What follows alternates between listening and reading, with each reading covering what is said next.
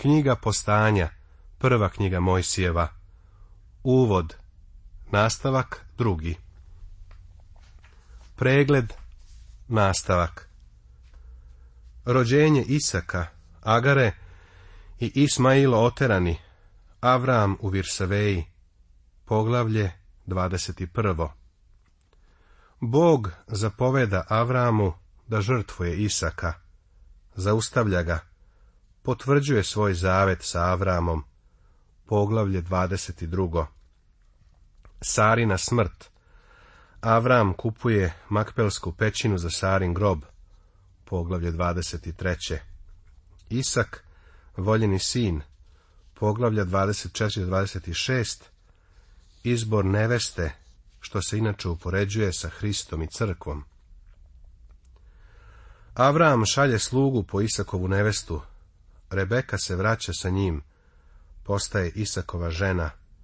Poglavlje 24.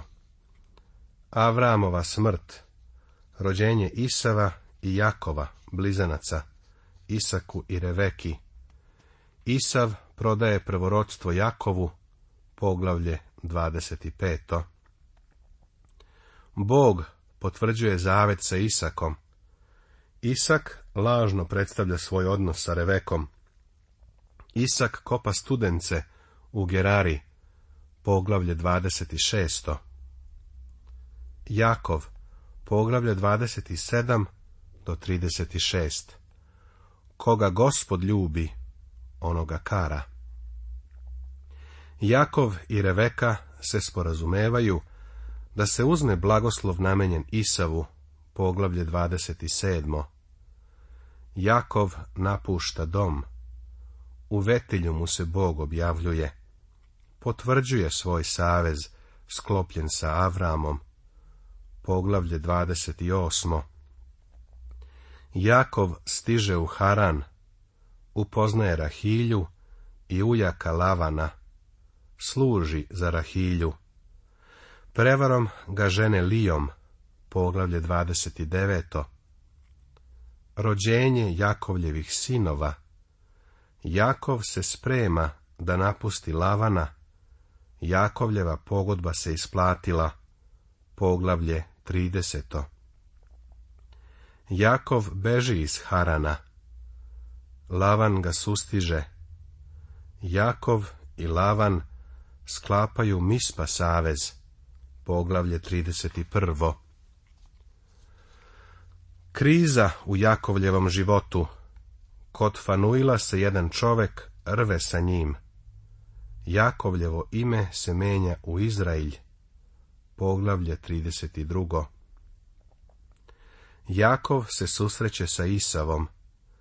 Jakov putuje u Sihem, poglavlje 33. Skandal u Jakovljevoj porodici. Dina je osramoćena. Braća kreću u osvetu i ubijaju Emorove ljude. Poglavlje 34. Jakov se vraća u Vetilj. Rahilja umire u Vitlejemu. Isak umire u Hevronu. Poglavlje 35. Isavova porodica postaje edomski narod. Poglavlje 36. Josif Stradanje i slava. Poglavlja 37 do 50. Jakov se nastanjuje u Hanaanu.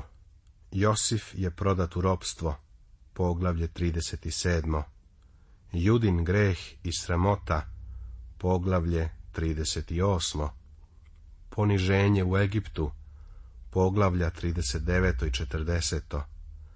Nadglednik u Petefrijevom domu. Kušan pa oklevetan od stranje Petefrijeve žene, utamničen Josif, poglavlje 39. Josif u zatvoru tumači snove peharniku i hlebaru, poglavlje 40.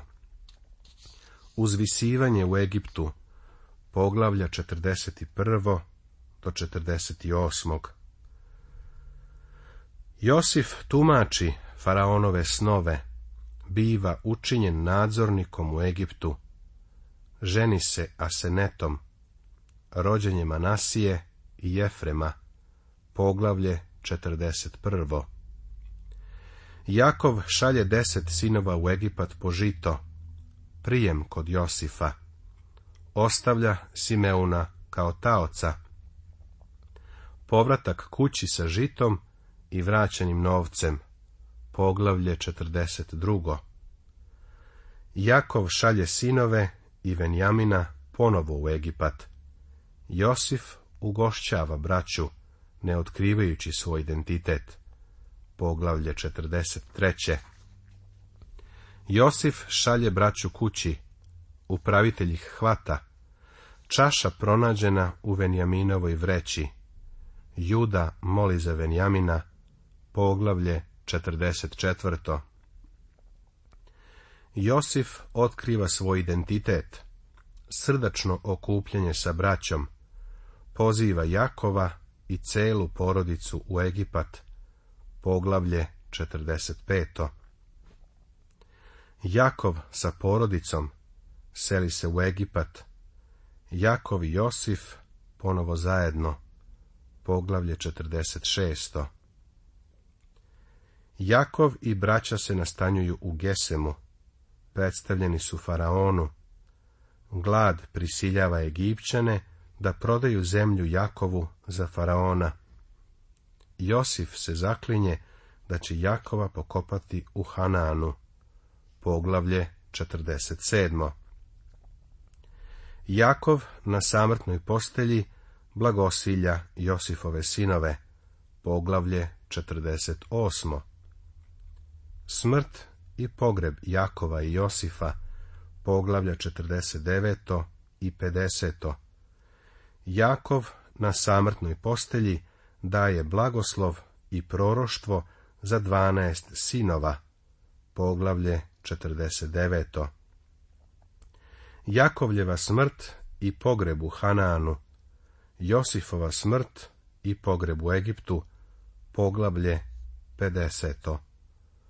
Ovim se završava pregled knjige postanja prve knjige Mojsijeve. Poglavlje prvo Tema Stvaranje svemira, sazdanje zemlje, prvi dan, svetlost, drugi dan, vazdušni prostori, treći dan, suva zemlja i biljni život, četvrti dan, javljaju se sunce, mesec i zvezde. Peti dan, životinjski svet. Šesti dan, plodnost životinjskog sveta, stvaranje čoveka. Stvaranje svemira U početku stvori Bog nebo i zemlju. Ovo je jedna od najosmišljenijih i najdubljih izjava koje su ikada date, pa ipak smatramo da u vremenu u kome živimo daje i pruža veliki izazov. Smatram da je ovaj stih sve što imamo o pravom aktuelnom stvaranju, sa izuzetkom stvaranja čoveka i životinja, kako ćemo to vidjeti kasnije u prvoj knjizi Mojsijevoj, odnosno kako još nazivamo knjizi postanja. Ali to je priča o stvaranju i moram priznati da je ovo zaista veoma sažeta priča. Paul Bellamy, koji je kasnije postao urednik Cleveland Plain Dealera, jednog dnevnog časopisa, ispričao je jedan događaj, dok je jedne noći kružio oko stolova reportera primetio je da jedan od njegovih ljudi sa mukom stvara pantličaru priču u nastavcima o nečemu što je Mi smatrao relativno nevažnim događajem. Preseci to rekao je. Posle svega, priča o stvaranju je u postanju izrečena u samo 282 reči. A reporter mu je uzvratio. Da, ja sam uvek smatrao da bismo mogli biti pošteđeni mnogih kasnijih argumenata, samo da je neko napisao još početnih nekoliko stotina. Zanimljivo je zapaziti da nam je Bog zaista dao ograničeno izdanje. Javlja se pitanje, šta je imao na umu kada nam je dao ovaj određeni odeljak? Šta je ovdje cilj autora? Da li je njegov cilj bio da nas nauči geologiju? Mnogo je rasprava i neslaganja u vezi sa ovim posebnim događajem. Pre izvesnog vremena u američkoj državi Kaliforniji Državni odbor za obrazovanje je izglasao da u naučne knjige uvrsti i biblijsku takozvanu teoriju o stvaranju. Iskreno govoreći, nisam baš srećan zbog ovoga. Neko će reći da bi trebalo da budem, jer je to ipak korak u ispravnom pravcu. Prijatelji, reći ću vam zašto nisam srećan. Brine me karakter nastavnika koji će o ovome poučavati. Nemamo dovoljno nastavnika koji imaju hrišćansko poreklo da bi ovo ispravno poučavali. Veoma mali broj nastavnika u državnim školama je stvarno spreman da poučava o stvaranju. Dr. Ralph Girard, profesor biologije i dekan odeljenja za poslediplomske studije na Kalifornijskom univerzitetu u Davisu, je jednom u štampi dao komentar da teorija stvaranja ima isto toliko smisla koliko i učenje o rodi. Pitao je da li bi naučni kurs također spomenuo i teoriju o rodi. Njegovo poređenje nije baš opravdano, jer se Biblija, sveto pismo, doslovno bavi pitanjem stvaranja, pa ako Bibliju, sveto pismo, pažljivo čitaš, nikada ne bi mogao da zauzmeš gledište teorije o rodi.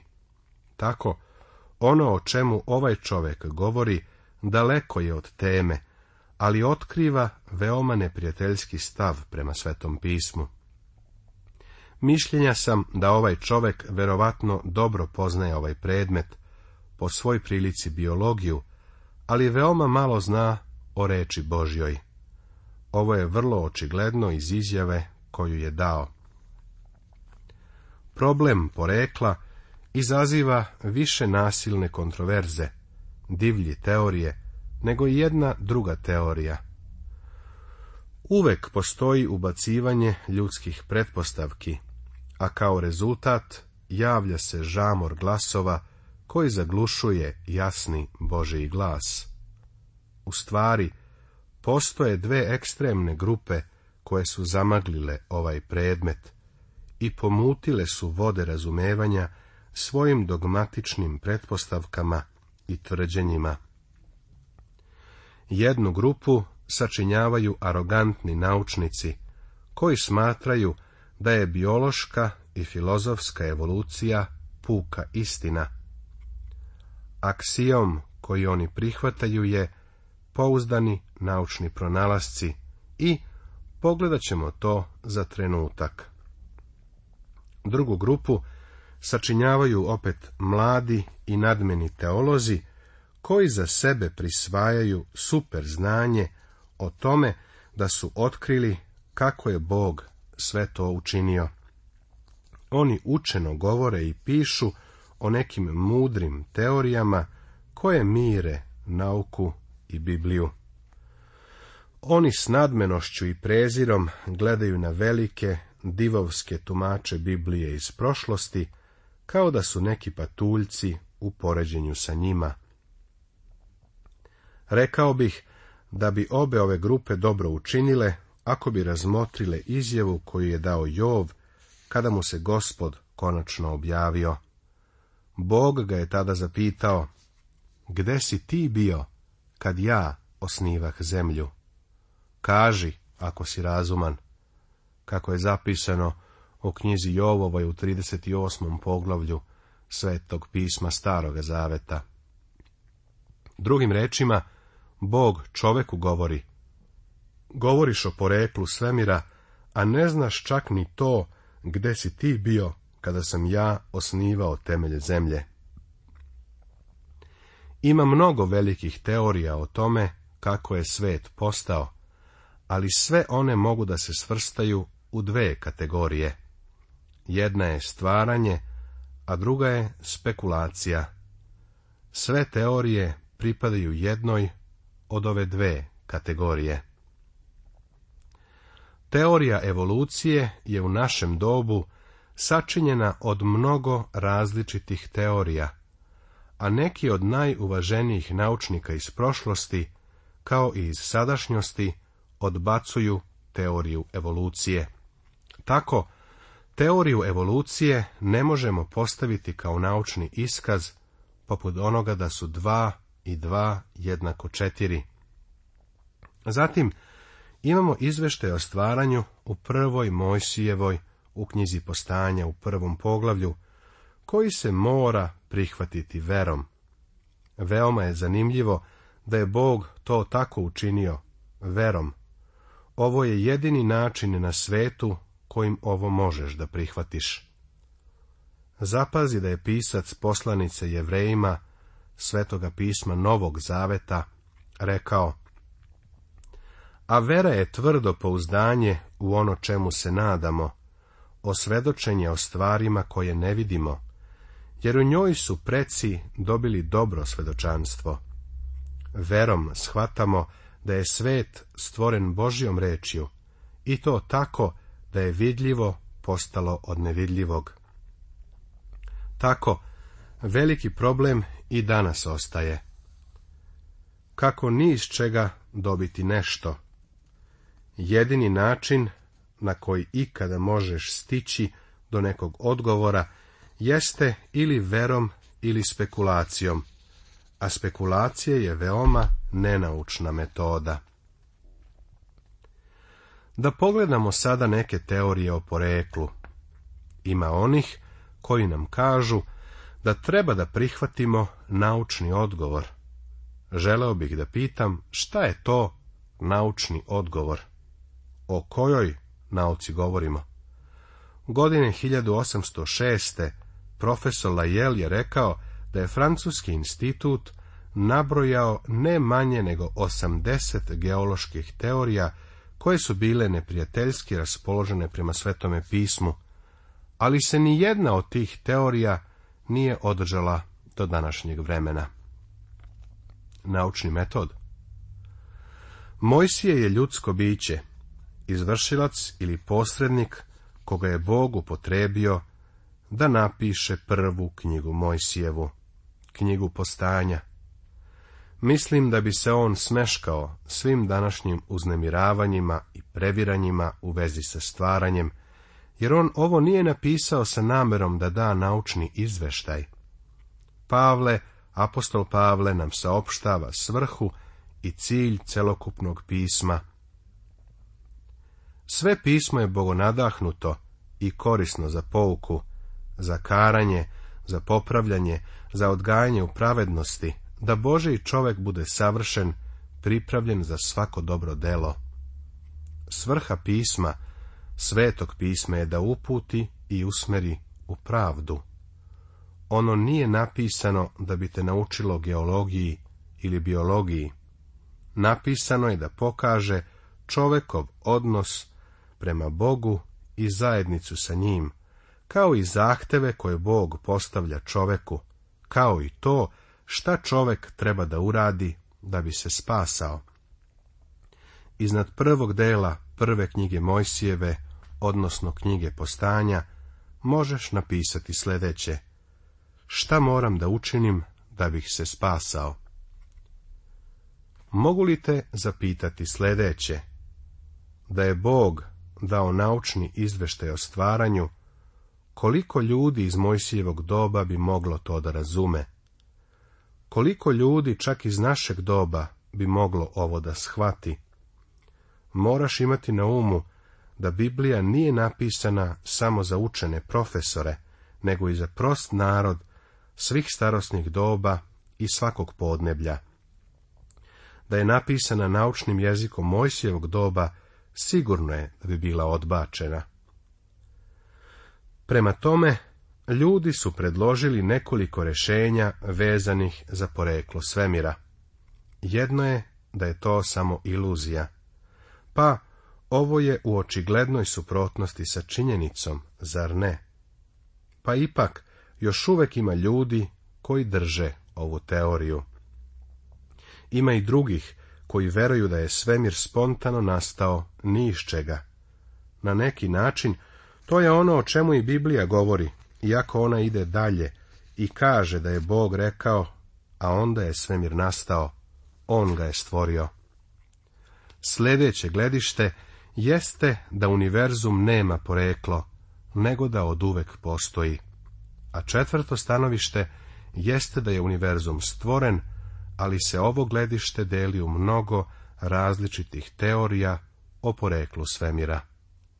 O ovim teorijama ćemo nastaviti da razmatramo sutra uveče.